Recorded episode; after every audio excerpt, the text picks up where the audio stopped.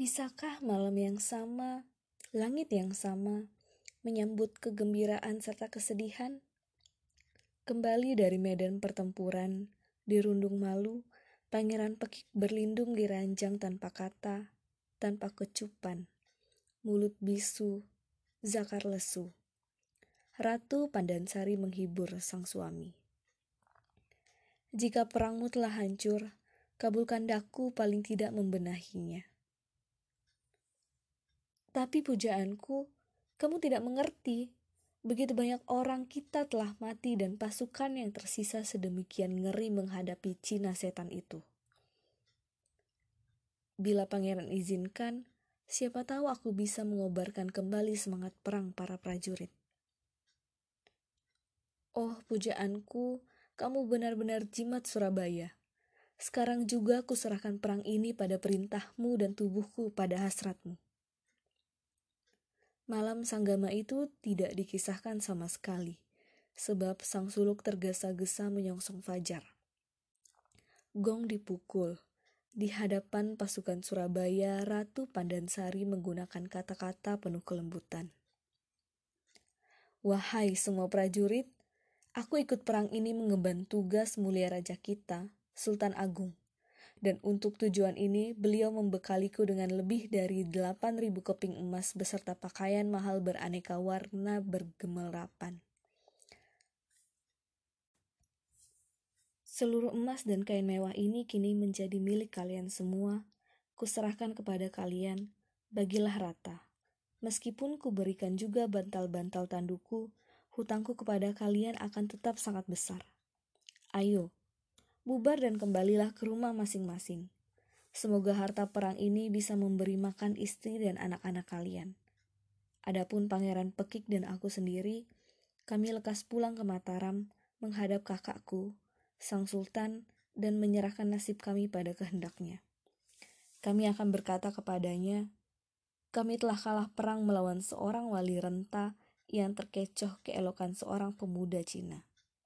Senjatanya sangat biasa, Santri-santrinya belum tumbuh jenggot serta siang dan malam hanya bisa menabuh rebana asmara yang menimbulkan gelombang kekalahan dalam barisan Surabaya.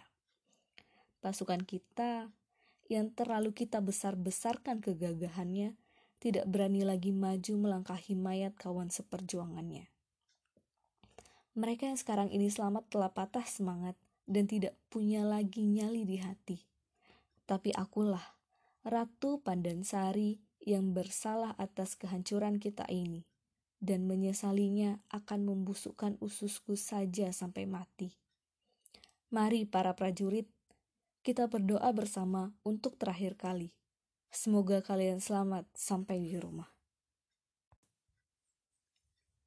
Angin hina menjelajahi deretan tombak seolah rasa mual raksasa Wajah para laskar yang letih di landang ngeri itu berubah diwarnai jejak malu.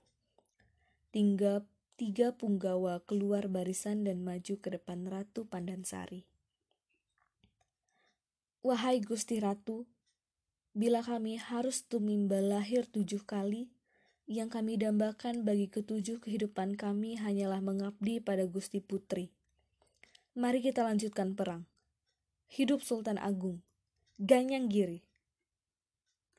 Mendengar teriakan ini, para prajurit Surabaya membentangkan tombak beserta dandanan mereka yang mencorong merah, kuning, hijau, ungu. Bagaikan puting beliung bunga, mereka melabrak, melabrak giri. Bumi mulai bergetar dan dari serambi masjid, Sunan Giri melihat barisan prajurit cemerlang berwarna-warni bergerak maju di bawah pimpinan seorang wanita yang berkibar rambutnya, diusung dengan tandu keemasan. Endrasena, anakku, cepat, bunyikan tanda berkumpul. Musuh datang. Semoga Allah yang maha tinggi melindungi kita. Benturannya seru. Tombak beradu tombak, keris beradu keris hingga akhirnya pertarungan tanpa senjata dan keputusan ilahilah yang bicara. Ajian dilantunkan yang mengguna-guna dan yang diguna-guna baur dalam kekuatan nafas. Perang berubah menjadi gumam gaib yang merampas akal para laskar. Di antara semuanya, Endrasena lah yang paling kerasukan. Ketika melihatnya, Ratu Pandansari membisiki suaminya. Orang Cina yang kesetanan perang, sudah saatnya ia ditumbangkan. Begitu Pangeran Pekik mengangguk setuju, Ratu Pandansari mengokang senapan genggamnya, membidik, dan menembak tangan kanan Endrasena yang tersentak terkejut, terlepas pedangnya. Tangan kirinya menggenggam keris dan semakin membabi buta. Tapi Ratu Pandansari menembak untuk kedua kalinya, dan kedua tangan pemuda Cina itu pun buntung. Endrasena belum sempat meraung kesakitan ketika Ratu Pandansari sudah membidik lagi senapannya dan menembak kaki giri lawannya yang segera ambruk. Melihat pimpinannya roboh, para pejuang giri berteriak kocar kacir. Ada yang terguling ke jurang, menghambur masuk gua, loncat ke laut, menghilang di bukit. Dalam sekejap, tidak satu pun prajurit tampak lagi, bersih disapu angin. Endrasena dihujani tombak. Ia melontarkan pandangan terakhirnya kepada Ratu Pandansari yang girang menang. Wahai Ratu, jihad kecil usai sudah. Banjir darah.